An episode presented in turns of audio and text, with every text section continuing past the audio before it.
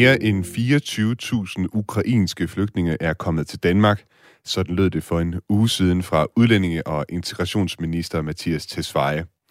Hvad møder der de ukrainske flygtninge, når de kommer til Danmark? Og kan det passe, at for eksempel København allerede har nået grænsen for, hvor mange flygtninge de har plads til? Det undersøger vi i dag i Krig på kontinentet på Radio 4, hvor vi også skal høre fra en kvinde, som vi tidligere har mødt i Ukraine, og som i dag lander i Københavns Lufthavn som flygtning.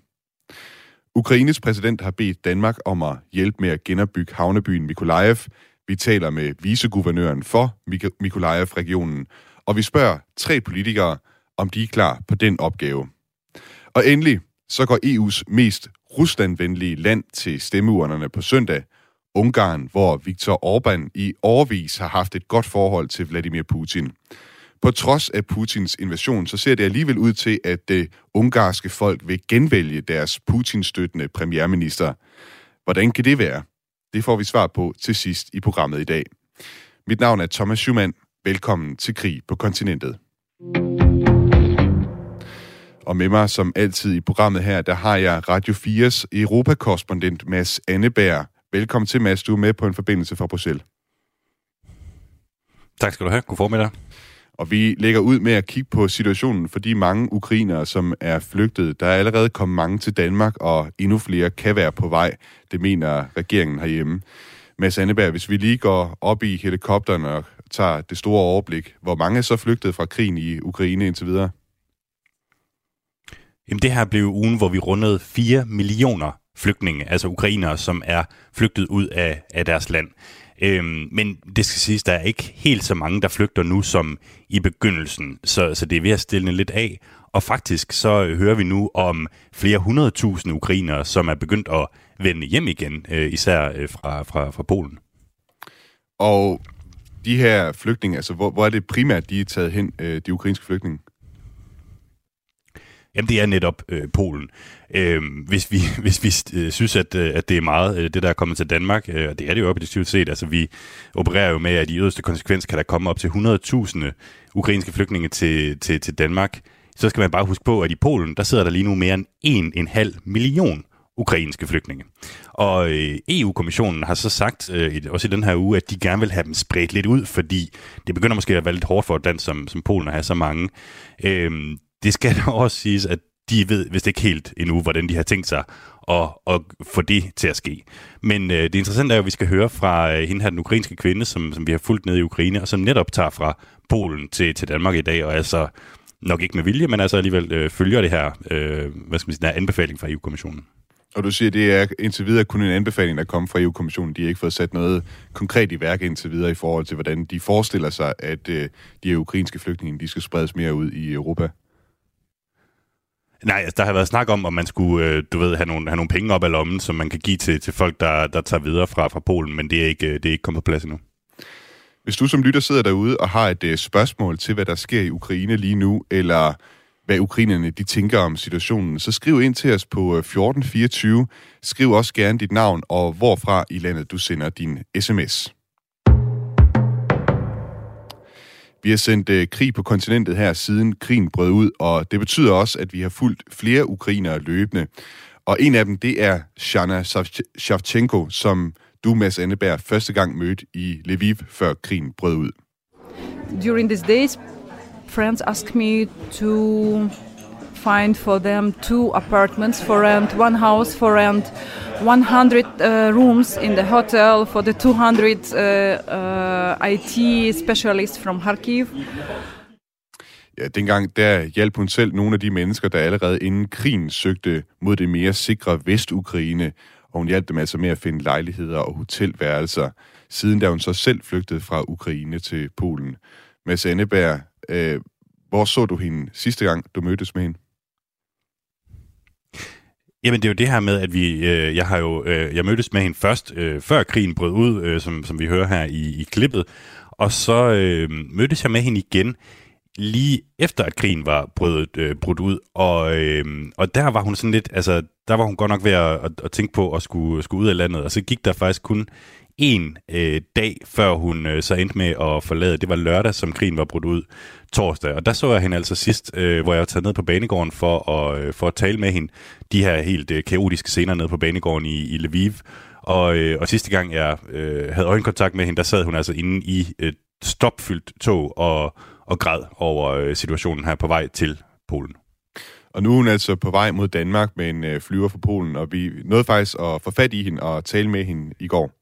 For now, we are preparing our trip.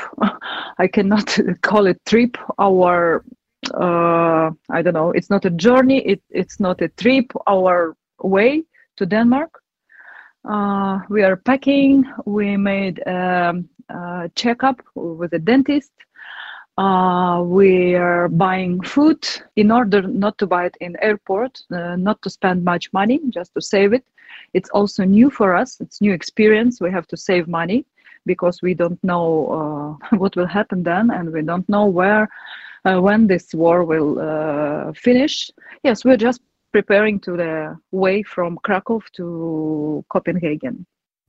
Ja, Shana, hun øh, fortæller her, at de er altså for, ved, ved at forberede deres rejse, og hun har lidt svært ved at bruge ordet rejse, fordi det kan man, jeg, jeg går ud fra, at det hun tænker her, det er, at det er ikke en rejse, sådan som vi andre tænker, en rejse til Sydspanien eller noget i den øh, stil. Altså, hun siger, at de forbereder deres vej til København simpelthen, og det handler altså om at blandt andet at købe øh, godt med mad ind, og så også være opmærksom på ikke at bruge alt for mange penge.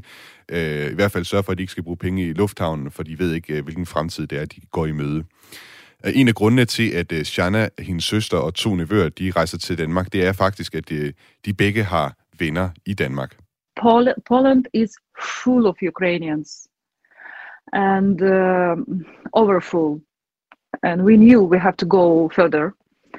And uh, I asked my sister, What is your opinion? What is your plan? And she said, I have one friend uh, from Melitopol. She moved to Denmark like a few years ago. She married there, and she's so happy to be there, to live there. And uh, she said, "Let's come. I'll help you." I said, "Okay, great. I have the same plan, but but I rely rely on um, Danish system and Danish society, not on somebody personally." And uh, despite fact, I have my old friend. He's Danish. Uh, Danish and he used to live in Kiev, but before war he ra- ran away um, with his family, and that it, at least I have one family I know there. Ja, Shana fortæller altså her, at hendes øh, søster har en øh, ven i København, som siger, at det, det er et godt sted at være, øh, og at der simpelthen er så mange øh, mennesker i, i Polen lige nu, at man, man vil gerne, altså mange ukrainere, så man vil gerne søge andre steder hen. Øh, Shana fortæller så, at hun er selv øh, lidt overladt til øh, det, det danske system. Hun har godt nok en, hun kender i Danmark også, en, der har boet i, i Kiev. Men øh, ja, de regner altså med at tage videre til, til Danmark øh, nu her. Og lige præcis øh, deres øh, bekendte, som hjælper dem, øh, når Shana og hendes søster de kommer til Danmark her med et øh, par timer, Øh, det, det er, som sagt, de er bekendte, der skal, der skal hjælpe dem. Shanas øh, danske vens mor henter dem i lufthavnen og kører dem til modtagscenteret Center Sandholm.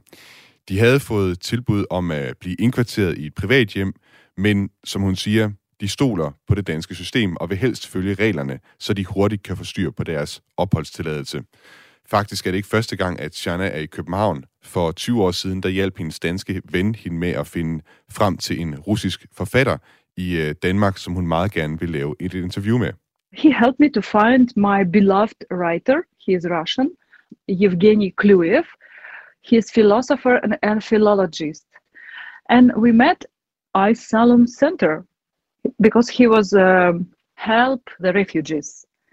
20 years ago, he showed me the center, how does it work, what they do there, how do they live there, and I was so surprised, but I didn't took it personally. You know, we're journalists, but I, I would never believe I can be back, come back to Denmark as a refugee.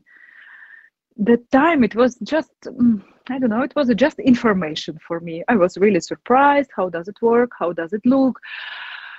uh, how they uh, treat how you Danish society I mean treat uh, refugees make them um, uh, be part of society.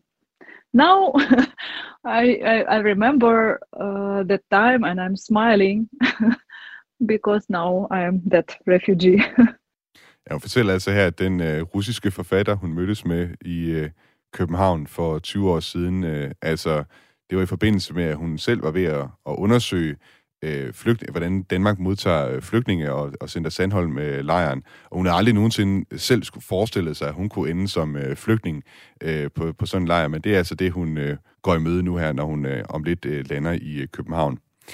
EU har opfordret ukrainere som Shana til at rejse videre fra Polen, og det er simpelthen fordi landet ikke kan klare mere.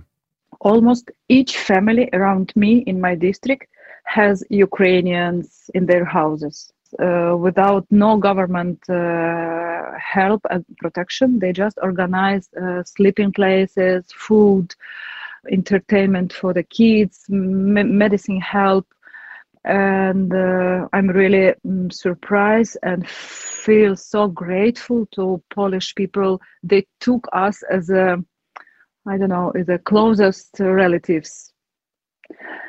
And even and can you imagine even today when we went to the dentist center to make a checkup and uh, they did some procedures and they say you should not pay. I said how? Uh, we got uh, service. They said no no no no it's this is the minimum what we can do for you so and it's everywhere people try to give you something to help you in some way Shana fortæller her, at i Polen, der har de været, hun er meget, meget taknemmelig for den hjælp, hun har fået i Polen. Der har været rigtig mange, der har stillet sig klar til at hjælpe de ukrainske flygtninge. Og blandt andet, så var hun også inde og få lavet et tjek hos uh, tandlægen, og der sagde tandlægen, at uh, hun behøvede altså ikke at betale, uh, at betale for den uh, service, hun uh, fik der. Hun er, det er hun meget, meget taknemmelig for. En af Shanas nevøer er 16 år, og han øh, spillede topfodbold i øh, Dnipro før krigen. Og han er sådan en af de slags talenter, der rent faktisk øh, kan blive til noget. Og det er ham, hun tyr til, når hun skal forklare, hvad hun tænker om fremtiden. I said, Denise, look, you will learn how to play in uh, such a special weather and such a special climate with a wet grass and um, high humidity like in Denmark. So when you will back home to your Dnipro football club, you will be the best uh, for the uh, such special situations and uh, and he dreamed to mm, join his uh, football club for sure. He's missing his club, and he has a plan to back home. And I have a plan to back home. And uh, but you know, we were talking with my sister. We will back home absolutely different personality because as long as we are will absorb the Danish way of uh, life and Danish way of um, of build society. It will affect us so much. Yes, and uh, when we will back home, we will use our new skills in Ukraine for rebuild it, for renew our society, for develop it. Øh, Shana fortæller her, at hendes øh, nevø, der spiller fodbold, øh, altså har en klar plan om at ville tilbage til Ukraine og, og møde sit øh, fodboldhold igen. Og Shana fortæller også, at, at hun regner egentlig med, at når hun engang vender tilbage til Ukraine, at hun vil være forandret efter sit ophold i øh, Danmark, vil have lært øh, af det danske samfund og altså fået nogle færdigheder med sig, som hun kan bruge til at hjælpe med at genopbygge det ukrainske samfund igen.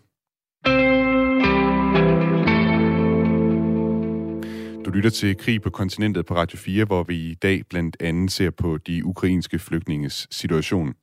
Nu kan jeg byde velkommen til Rasmus Bilde, der er leder af Ukrainesekretariatet i Københavns Kommune. Velkommen til Krig på kontinentet. Mange tak. Og øh, vi har altså lige nu her hørt fra ukrainske Shana Shavchenko, som ankommer til København med en flyvemaskine om cirka to timer. Og det gør hun altså blandt andet, fordi EU har opfordret ukrainere til at rejse videre fra Polen. Hvordan hjælper Københavns Kommune ukrainere på flugt øh, som, som Shana? Ja, altså her med, øhm, øh, da det hele startede, så fik kommunerne ret hurtigt øh, lovhjemmel til at tilbyde akut øh, hvad kan man sige, indkvartering, kost og logi til ukrainske fordrevne. Og det tog vi, altså det gjorde vi i København, altså det tog vi beslutning om hurtigt i København, at det, øh, den måde vil vi også hjælpe på. Så, øhm, så det har vi indtil videre, ja, vi har 1000, omkring 1000 personer indkvarteret på den måde lige nu, og hvor vi tilbyder altså selvfølgelig øh, øh, altså en seng eller, og øh, mad, og øh, også forskellige andre tilbud, så man står i den her svære situation for dem. Det er altså forskellige former for lægehjælp og øh, krisepsykologer og frivillige tilbud, øhm, og selvfølgelig hjælp til at søge om den her midlertidige opholdstilladelse, som, der, som de har fået med særloven er mulighed for. Ikke? Og, og, og hvad er det, Shana Shevchenko, hun skal gøre helt konkret, når hun stiger ud af flyveren i Kastrup Lufthavn? Altså, i, i Kastrup Lufthavn, der jeg forventer, at jeg forestiller mig også, at der er nogen i lufthavnen, som er opmærksom på den her situation, og det, jeg tror, at der vil, øh, der, vil, der vil hun blive henvist til at søge øh, op til Udlændingestyrelsen, øh, altså Center Sandholm med indgangen til Udlændingestyrelsen, hvor, hvor det lige nu er den primære indgang til for ukrainske fordrevne til at få indkvartering og øh, øh, kostologi den vej, ikke? I har også øh, mulighed for at tilbyde direkte indkvartering til ukrainer i kommunen. Hvorfor skal sådan en som øh, Shanna her til Sandholmlejren? Jamen, at lige nu er det, altså i Københavns Kommune har vi, vi har ikke kapacitet til at tage flere ind på den her måde. Akut lige nu, som sagt, har vi over 1000, øhm, og den, den normale øh, arbejde, hvad kan man sige, den normale arbejdsgang på den her måde og samarbejdet mellem kommunen og staten er, at det er staten, som, øh, som tager imod øh, flygtninge i den her tidlige fase og hjælper dem med at søge om opholdstilladelse. Øh, og så bliver de visiteret ud til kommunerne øh, i takt med, at de får meddelt ophold. Og det er så også det, vi begynder at se nu i Københavns Kommune, at vi, øh, vi har omkring, øh, vi har fået en kvote i første omgang på 557 øh, fra under den her ukrainske særlov, og et tal, som vi forventer vil stige markant med, med de seneste udmeldinger fra regeringen. Mm. Øhm, og så vil vi få dem fra øh, Center Sandholm og mange andre center rundt omkring i landet, så vil de blive sendt til København, dem som København sådan formelt skal tage imod. Mm-hmm. Ifølge Berlinske så huser Københavns Kommune i øjeblikket 1065 ukrainske flygtninge. Ja. Er, er, er, det, er det grænsen, altså 1065 mennesker? Jamen, det har vi vurderet lige nu, at, at grænsen det er jo gået så stærkt i København, at, at vi, vi har også... Øh, det har, det har vi havde en uvandt situation for os og for kommunen og i, i det hele taget, tror jeg, at skulle tage imod øh, akut indkvartering på den her måde. Noget, som der normalt jo er øh, man kan sige, Udlændingsstyrelsen og statens rolle. Så vi har fulgt med så godt vi kunne, og har vurderet, at 1000, altså lige nu har vi ikke kunne følge med, fordi der skal også være personale til at gøre det til øh, en forsvar, altså til at kunne gøre det forsvarligt øh, på forsvarlig vis. Så, øhm, og samtidig så med den her vedtagelse af særloven, så lå det også ret tydeligt i, øh, i rammerne for indsatsen, at det, øhm, at, at det er staten, som tager imod flygtninge som udgangspunkt, øhm, og der er stadig kapacitet i Udlændingestyrelsens øh, system, og så vil de på den måde også, øh, det er mere logisk også, når man kommer igennem den vej, og man søger om ophold, og så bliver man visiteret ud til den kommune, man så i sidste ende skal være i. Fordi så, der kommer også lidt mange led ind, hvis først de skal være i en kommune, og så måske til en anden kommune bagefter. Øhm, så det, på den måde er det også mere logisk, og det er den måde, det plejer at køre på. Hvis... Øhm, men hvis jeg vil sige, hvis, hvis der nu står, pludselig står en situation, hvor Udlændingsstyrelsen heller ikke har mere plads, så mm. er der jo lige nu også stadigvæk hjemmel til, at kommunerne kan, kan tage imod nogle flere, og så, så vil vi i København også selvfølgelig gøre, hvad vi kan for at øh, altså vi står i en situation, hvor der er ukrainer, som er, hvad kan man sige, ikke har et sted at være, og har kostet logi. Det er jeg sikker på, at vi nok skal få, øh, få hjulpet til med os, hvis, hvis vi ender der, ikke? Ja, hvis vi lige vender tilbage til Shana Shevchenko, som vi hørte øh, fra lige før, og som ankommer i København i dag. Hvor længe vil du skyde på, at øh, hun skal være i Sandholmlejren, før der igen er plads i København? Altså det er, det er, jo, øh, det er jo staten øh, og Udlændingestyrelsen, som, som øh, nok bedst kunne svare på det. Mm. Det vi hører er, at i de, i de fleste sager forventer de at kunne lave en meget hurtig sagsbehandling, der måske kan tælles på øh, i uger snarere end, end måneder. Så vi har jo også, altså allerede nu har vi jo fået 150 øh, visiteringer cirka i Københavns Kommune. Øh, at, altså, og, det, og det er jo folk, som er kommet herinde for de seneste uger og har allerede har fået behandlet en ansøgning og har fået meddelt ophold i København. Mm-hmm. Så det går rigtig stærkt. Mm. Øh, nu har der været talt rigtig meget om den her særlov for, øh, og i det hele taget den her mobilisering for at tage så godt øh, som muligt imod øh, de ukrainske flygtninge. Hvordan adskiller modtagelsen, modtagelsen af ukrainerne sig fra den måde, som I normalt ellers tager imod flygtninge på? Jamen, jeg har været lidt, lidt inde på det nu. Ikke? Altså, der, det, er, øh, det er især hvad kan man sige, antallet og hastigheden, som adskiller sig lidt i forhold til, hvad vi normalt ser. Øhm, under normale omstændigheder, når vi får udmeldt almindelige kvoter fra Udlændingestyrelsen. Vi har for eksempel haft i år en kvote på 33, tror jeg det var, øh, af vores, altså sådan, de, hvad kan man sige, almindelige, de normale flygtninge, hvis man må bruge det udtryk. Øh, og så var der også en gruppe herudover af afghanere, som også fik sin egen særlov øh, sidste år, som jeg tror, vi var på 66 personer. Ikke? Øh, og dem bliver vi typisk varslet i god tid om, at vi skal modtage 66. Det er jo nærmest øh, et halvt år i forvejen, vi får sådan et tal udmeldt, og så bliver de enkelte personer så visiteret måned for måned, nogle gange altså med to måneders varsel, så vi har rigtig god tid til at forberede os i kommunen på at tage imod, og ofte tager vi også op og laver sådan nogle interviews med de her personer i asylsystemet, inden de kommer til København, så vi er så godt forberedt som muligt på at kunne have de rigtige tilbud klar. Mm. Og nu står vi i sådan en situation, hvor vi øh, har en, altså et, et meget, meget stort antal personer, som bliver visiteret til kommunerne med, i den nye lov hedder det fire dages varsel. Mm. Øh, så det går uhørt hurtigt i forhold til, hvad vi har været vant til. Så det er også en stor, det er en stor op, øh, opgave og en, også en udfordring for altså selv en kommune som København og, øh, at mande op og have mandskab klar til så stor en opgave. Så det er noget, vi arbejder med rigtig øh, intenst lige nu. Mm. I har jo fra kommunens side også hængt en masse blå-gule plakater op i øh, bybilledet over i København, for eksempel på busstoppesteder og andre offentlige pladser, og flere steder i byen, hvor der står, og jeg citerer her, Hej Københavner, vil du hjælpe mennesker på flugt? Og så henviser I på plakaten også til en særlig hjemmeside, som kommunen, kommunen har oprettet til indsatsen målrettet ukrainske flygtninge. Og her skriver I så blandt andet citat, Lige nu har Københavns Kommune ikke mulighed for at formidle kontakt mellem private borgere og fordrevne fra Ukraine med henblik på privat indkvartering.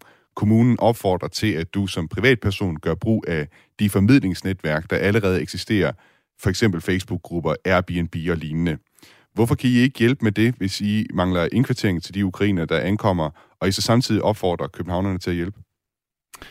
Altså, privat indkvartering, øhm, det er lidt noget, der, det, det er noget, der kræver efter vores vurdering en, en politisk beslutning, hvis man ønsker at, gå, at have det sådan, at kommunen skal henvise øh, ukrainer, vi modtager til privat indkvartering, at vi kommer til at for, som kommune få en, en form for ansvar, når vi henviser øh, den måde ud til private borgere. Og derfor har vi i første omgang øh, jo valgt at henvise til de mange forskellige øh, hvad kan man sige, kanaler og tilbud, der er for, at folk helt frivilligt kan, kan, kan hjælpe på den her måde. Og det er jo også, øh, og det ved vi, at der er mange, der har gjort, og det øh, der har, vi, altså, har jeg og vi kæmpe respekt for. Øh, men det kræver en, øh, det kræver en, en beslutning, øh, at hvis kommunen skal gå ind og, og hvad kan man sige, aktivt facilitere de her match. Øh, og det er også noget, som kræver ressourcer, og derfor altså økonomi Øh, så, så det er noget, vi, altså, det, det, det er bestemt noget, vi afviser, men det er noget, vi, vi, skal, vi, vi, vi kigger lidt på at forberede, og så vil det være op til en, en politisk beslutning, om man ønsker at, at gå den vej. Rasmus Bilde, leder af Ukraine-sekretariatet i Københavns Kommune. Tak fordi du var med i Krig på kontinentet i dag. Selv tak. Og skal lige se her, om vi har en bitte skiller. Sådan. Øh, Mads Anneberg, vi har fået nogle sms'er. Øh, altså Mads Anneberg, vores Europakorrespondent, der er med, i, øh, med fra øh, Bruxelles. Vi har fået et øh, par sms'er fra vores øh, lyttere derude, og øh, som traditionen tro, så har vi fået et øh, digt fra vores øh, lytter Niels. Han har efterhånden mange gange øh, sendt øh, digte ind til os. Vi kan lige læse op for dig her, Mads, øh, Mads Anneberg. De flygter ud fra deres eget land, kvinder og børn, til et sikkert land, mens Putin han smadrer hele landet. Han er i ledtog med ham, der fanden. Der bliver meget, han skal rydde op. Det er det ham, der skal bløde. Nu, stiger, nu siger vi stop. Genopbygning af Ukraine er en opgave. Putin må klare. Det er ikke os, der skal stå for det. Det siger jeg bare. Hvad tænker du om øh, den, øh, det digt, som Niels har sendt ind her, Mads Anneberg? Jeg synes, at niveauet for digtet er, er, er rigtig højt, og så øh, er det spændende, at vi, vi skal snakke om det her med genopbygningen af, af Ukraine øh, lidt senere, og hvem der egentlig øh, har ansvaret for, for det. Det er jo ikke... Øh, Altså, øh, det, det, der, der øh, kom den ukrainske præsident jo med en opfordring til os øh, her i Danmark, øh, om at, øh, at vi skulle hjælpe med at opbygge en helt særlig øh, ukrainsk by. Vi har også fået en øh, kommentar her fra en øh, lytter, der hedder Inger C., hun skriver, stor ros til Polen, Moldova, Ungarn og Tjekkiet og flere andre østeuropæiske lande. Disse lande har virkelig vist format, uanset om de har råd til at yde den kæmpestore hjælp. Disse lande fortjener stor ros og respekt. Og øh, Mads Anneberg, vi skal også øh, senere øh, faktisk tale om Ungarn, øh, som jo på en øh, måde øh, hvad hedder det, står lidt uheldigt i den her øh, krise, eller i, i hele den her krig. Øh, og som du selv var inde på, så skal vi også om få minutter tale om, øh, om genopbygningen i Ukraine, om byen Mykolaiv. Det er altså en by med knap en halv million indbyggere i det sydlige Ukraine. Og i sin tale til Folketinget tidligere på ugen, der opfordrede den ukrainske præsident til, at det skulle blive Danmarks projekt at genopbygge Mykolaiv. Og øh, det har vi også fået nogle politikere til at reagere på. Øhm, hvis du sidder derude og kunne tænke dig at skrive ind til programmet, så kan du altså gøre det ved at skrive en sms ind, ind til 1424. Nu er der nyheder på Radio 4.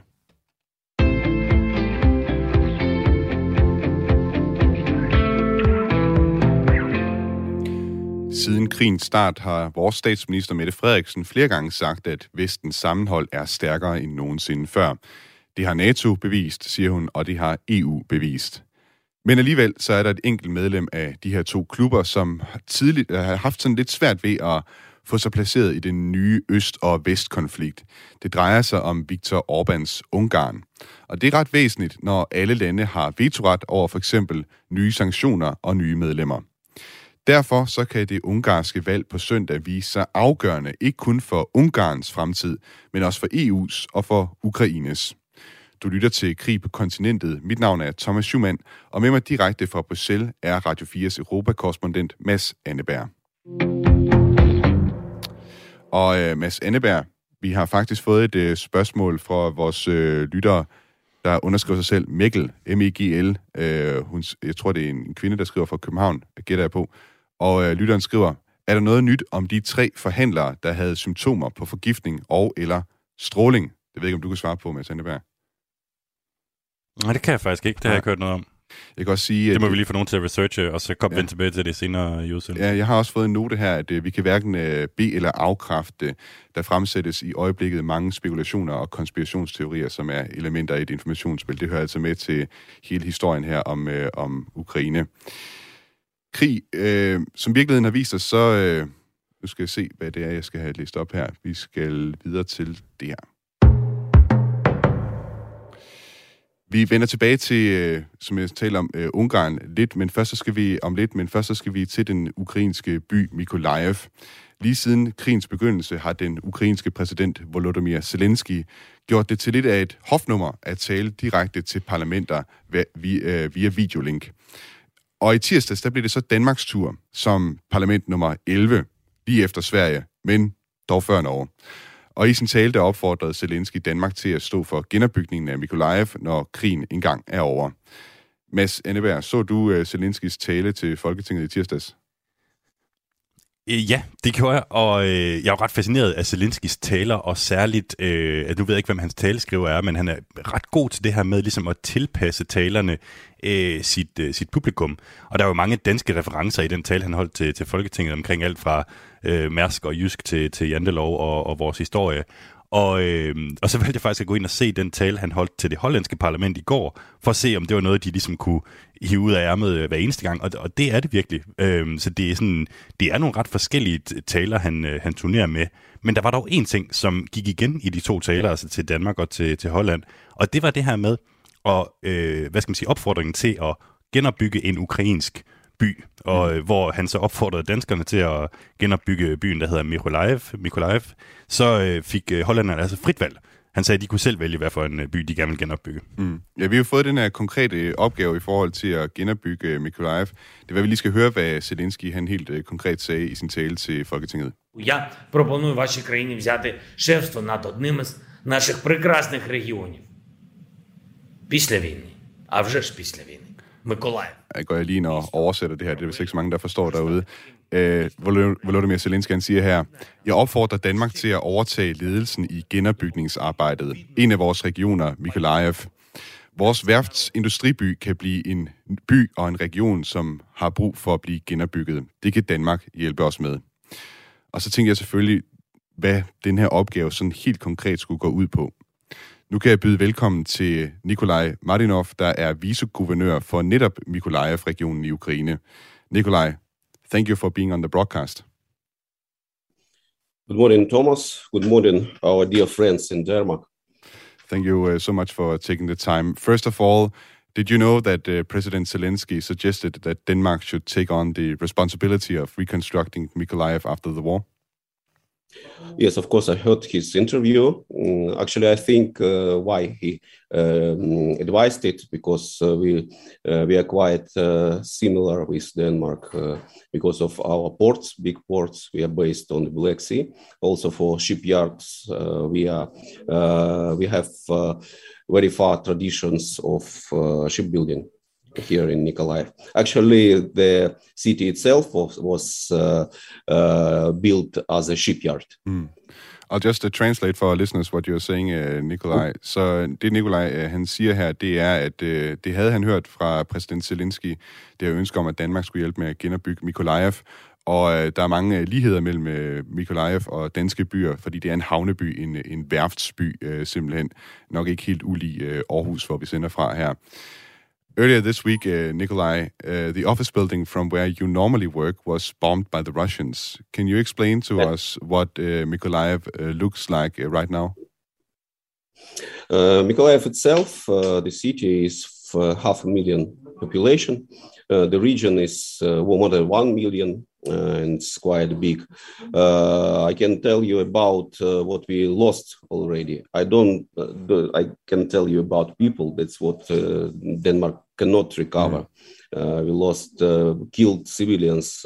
number is 148, including six children. Mm-hmm wounded 440 people and 31 children. Mm. Uh, you, you can translate it, yes.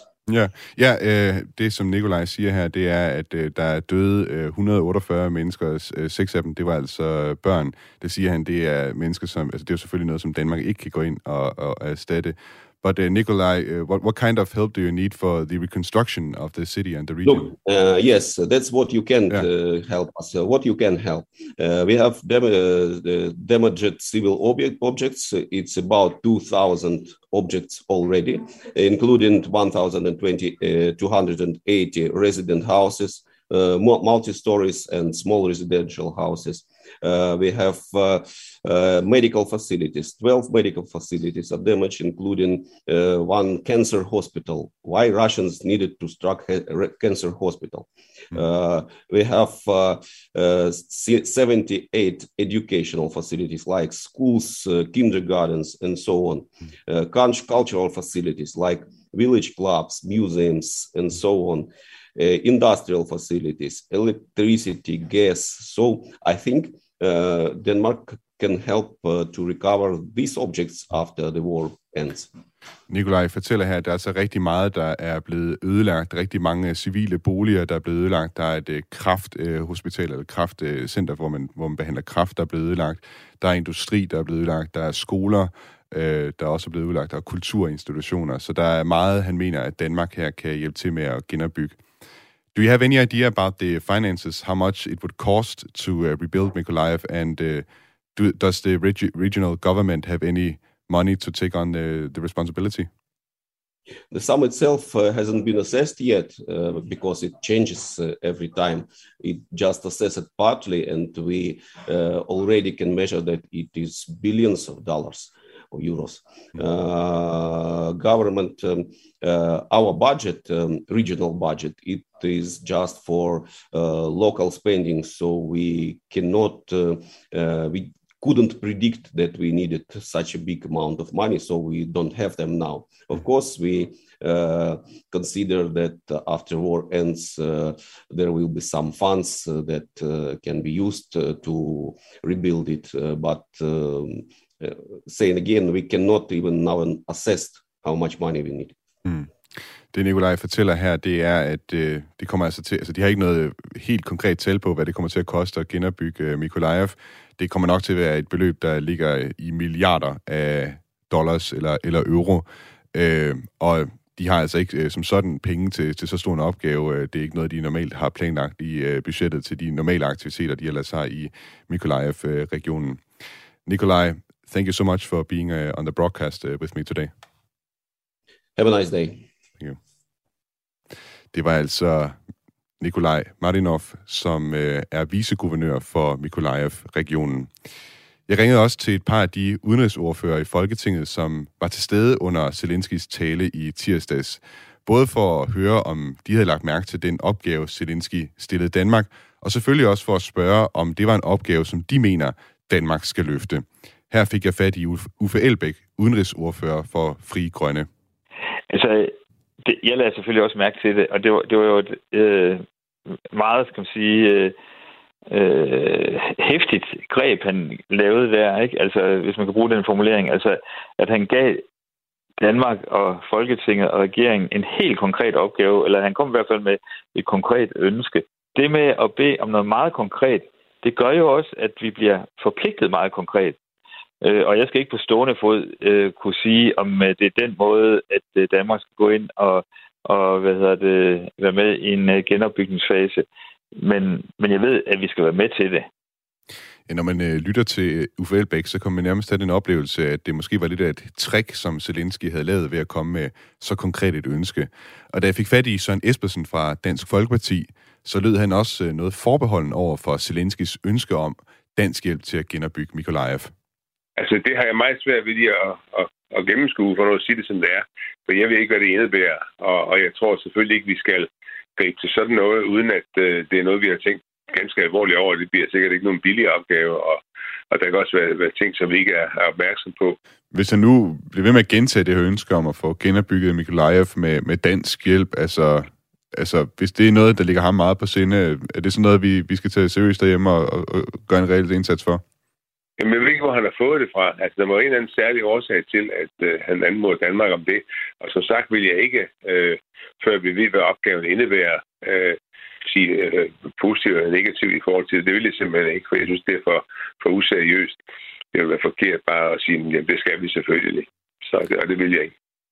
Ja, Søren Espersen vil altså gerne vide, hvad Danmark rent faktisk øh, skal sige ja til, før han vil forholde sig til, om svaret det er ja eller nej. Og efter det her opkald, så tænkte jeg, at det var lidt af en lunken modtagelse, som Zelenskis forslag indtil videre har fået. Altså et forslag om, at Danmark skal sætte sig i spidsen for genopbygningen af Mikolajev, en by i det sydlige Ukraine med en halv million indbyggere. Men så fik jeg fat i Michael Ostrup Jensen fra partiet Venstre. Mener du, at Danmark skal levere på Zelenskis ønske? Altså skal vi sætte os i spidsen for genopbygningen af Mikolajev? Det synes jeg helt klart. Øh, altså det, vi har foreslået fra venstre side, det er, at vi laver en slags Marshallhjælp, ligesom amerikanerne hjalp Europa efter 2. verdenskrig. Så skal Europa også hjælpe Ukraine øh, efter deres øh, krig. Og, og øh, hvis vi skal gå ind og hjælpe konkret der, hvor Ukraine øh, gerne vil have det, absolut, øh, så svaret er faktisk klart ja herfra. Vi har naturligvis også skrevet til Udenrigsministeriet for at høre, hvordan ministeren forholder sig til det her ønske fra Zelensky om, at Danmark altså skulle sætte sig i spidsen for genopbygningen af Mikolajev. Det har desværre ikke været muligt at få et svar, inden vi gik i studiet, men jeg håber bestemt, at øh, det kommer med i næste uges program. Nu skal vi en tur til Ungarn, som går til valg på søndag. Det konser- den konservative premierminister Viktor Orbán har siddet på magten siden 2010 og har gennem årene udviklet et nært forhold til Rusland og den russiske præsident Vladimir Putin. Ungarn sagde så sent som i sidste uge nej til flere sanktioner mod Rusland, og det har fået Ungarn på kollisionskurs med nabolandet Ukraine. Den ukrainske præsident talte i sidste uge direkte til Viktor Orbán under et videomøde med alle EU-lederne, og han sagde sådan her. Угорщина. Я хочу зупинитись тут і бути відвертим один раз і назавжди. Ви маєте самі вирішити, за кого ви. Ja, det Zelensky siger her er, Ungarn, jeg vil stoppe op, op og være ærlig, en gang for alle. I skal bestemme, hvis side I er på. Han sagde blandt andet også, Hør Victor, ved du hvad der foregår i Mariupol? Og du tøver med at indføre flere sanktioner. Der er ikke tid til tøven. Det er tid til at bestemme sig, sagde altså Volodymyr Zelensky henvendt til Viktor Orbán. Viktor Orbán han svarede bagefter, at Ungarn hverken er på Ruslands eller Ukraines side.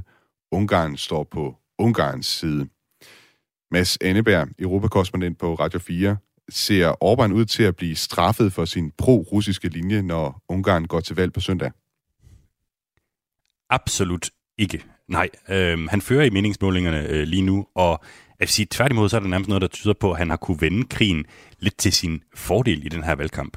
Og øh, for at bedre forstå, hvad der øh, er op og ned i det her spørgsmål, så ringede jeg til Vibe Termansen, som er historiker og freelance journalist med speciale i Øst- og Centraleuropa, og som er i Budapest øh, lige nu for at dække valget. Han er meget ruslandsvenlig.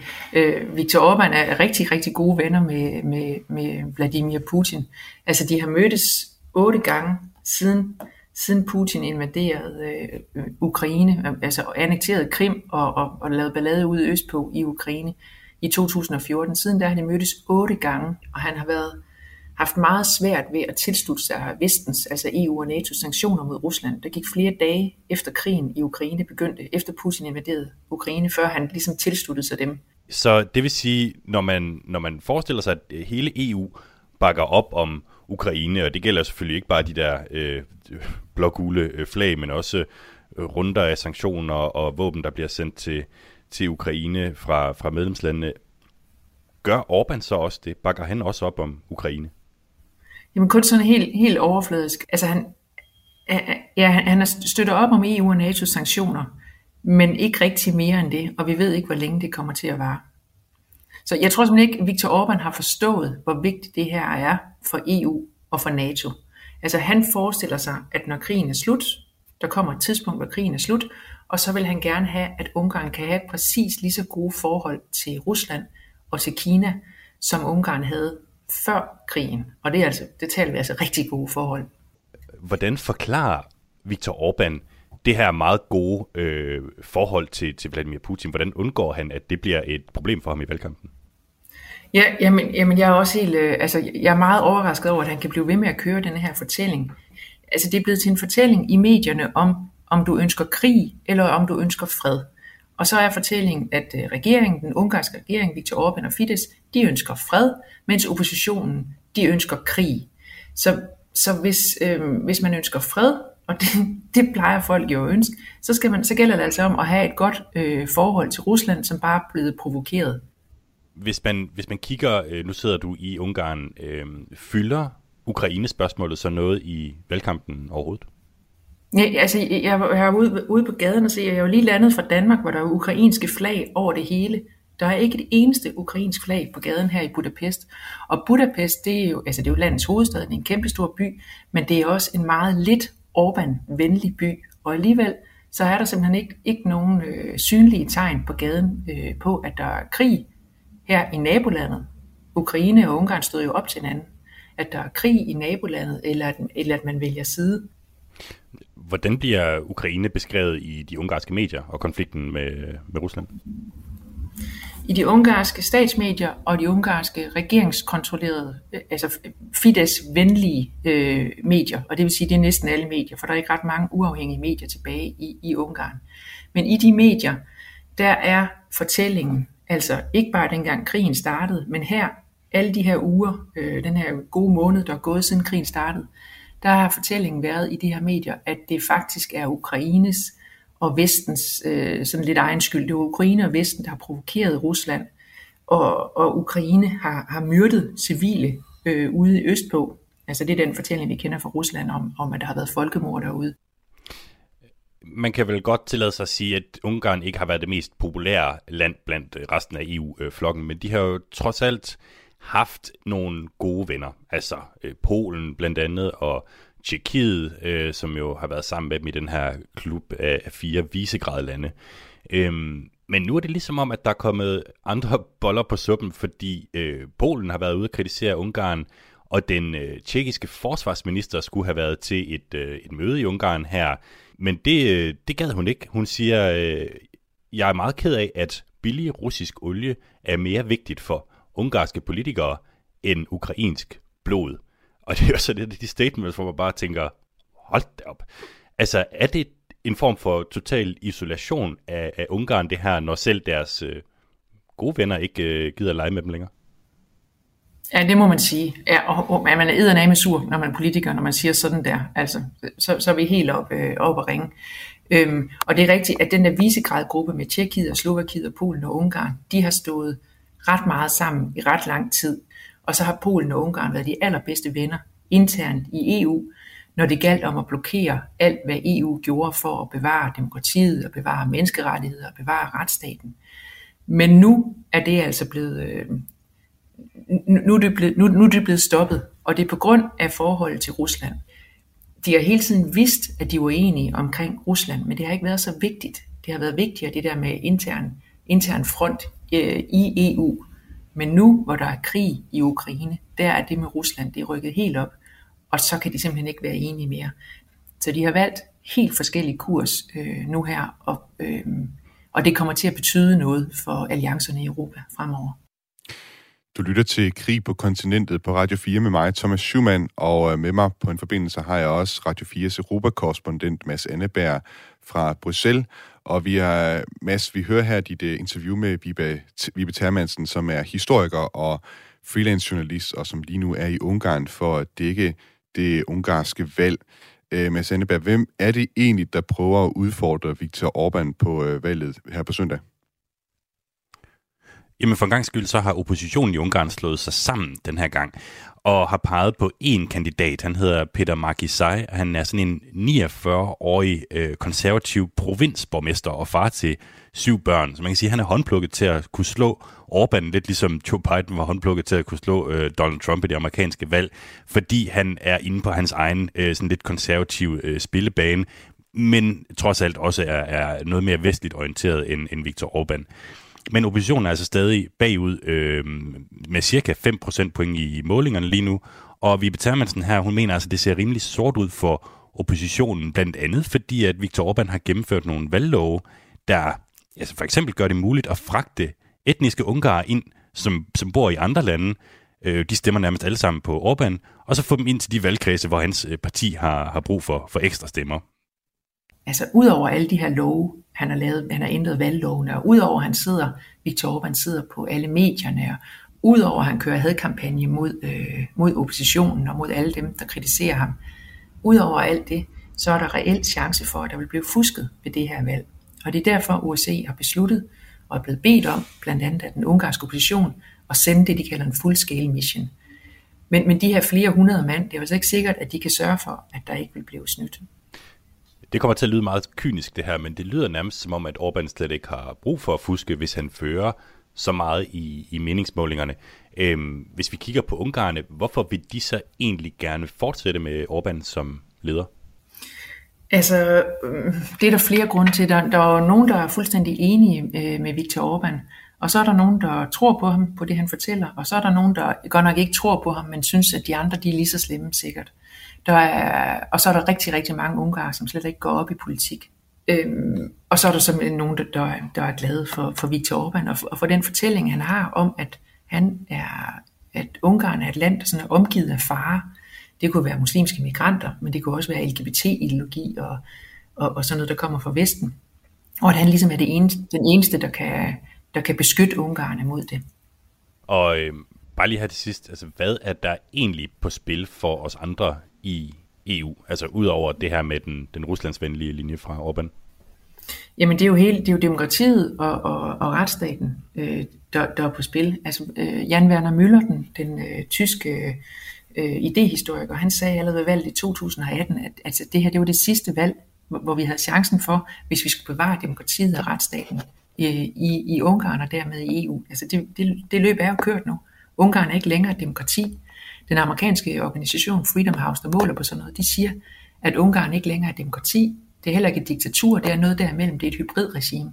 Det vil sige, at vi har et land i EU nu, som ikke længere er et demokrati, hvor der er reel chance for, at der vil blive øh, fusket med valget på søndag, og hvor, øh, og hvor Vladimir Putin, hvor, hvor regeringslederen Viktor Orbán, det tog ham flere dage efter krigen i Ukraine begyndte, før han valgte side, før han sagde, at han stod op om, om vestens sanktioner, og hvor Rusland simpelthen læser med i øh, det ungarske udenrigsministeriums hemmelige dokumenter, altså NATO-dokumenter og EU-dokumenter, uden at Ungarn rigtig gør noget ved det.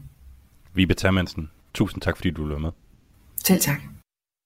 Ja, det var altså Vibe Termansen, der er historiker og freelance journalist på, øh, og forfatter til bogen Kampen om øh, Central Europa. Øh, Mads Anneberg, lige for at opsummere her til sidst, øh, hvad er det egentlig, der er på spil her for, øh, for Ukraine i øh, forhold til valget i, øh, i Ungarn? Ukraine og præsident Zelensky ser jo lidt øh, Ungarn som øh, russernes trojanske hest, øh, nærmest inde i EU og inde i øh, NATO, som vil blive ved med, så længe Orbán er ved magten, og være tilbageholdende med at indføre øh, store sanktionspakker, for eksempel øh, lave et embargo mod russisk øh, energi. Så, så det er jo det, der er på spil, og, og som du også fik sagt tidligere i programmet, så vil øh, Ungarn jo hele tiden kunne nedlægge veto mod, at Ukraine kan komme med i EU og kan komme med i øh, NATO. Så det er, jo, det, er jo, det er jo ret meget. Og så kan man sige, det, det skriver sig jo ind i den her fortælling om, jamen, at Ukraines fremtid lige nu bliver afgjort af, hvordan andre lande, så at sige, forholder sig til, til Rusland, og, øh, og, og hvad det kan få Rusland, øh, hvordan det kan få Rusland til at agere i den, i den kommende tid her. Du lytter til Krig på kontinentet, som er tilrettelagt af Jeppe Rets Husted, redaktør Camilla Høj Eggers, og mit navn er Thomas Schumann. Og det er altså sidste gang i dag, vi sender Krig på kontinentet, i den her omgang i hvert fald. Det er en særudgave af Radio 4's program Kontinentet, som Mads Anneberg, du normalt er vært på. Hvad kan lytterne se frem til, når du i næste uge er vært igen på kontinentet? Jamen i næste uge, der går vi øh, benhårdt på det, på det franske valg. Øh, de har første runde i præsidentvalget øh, søndag i næste uge, og der er, hvad skal man sige, gabet mellem øh, Emmanuel Macron og udfordreren Marine Le Pen øh, bliver mindre og mindre lige for, for tiden, så det, det er det, som vi kommer til at kigge på. Mads Anneberg, altså Europakorrespondent for Radio 4. Tak fordi du endnu en gang var med her i Krig på kontinentet. Og hvis du er glad, til, glad for at lytte til Krig på kontinentet, vil jeg opfordre dig til at downloade Radio 4's app, hvor du kan finde alle afsnit på programmet, og i øvrigt også øh, kontinentet. Og ellers så vil jeg sige tak, fordi du har lyttet med til Krig på kontinentet. Det har været en fornøjelse at være vært på programmet. Jeg vil ønske jer alle sammen derude en god weekend.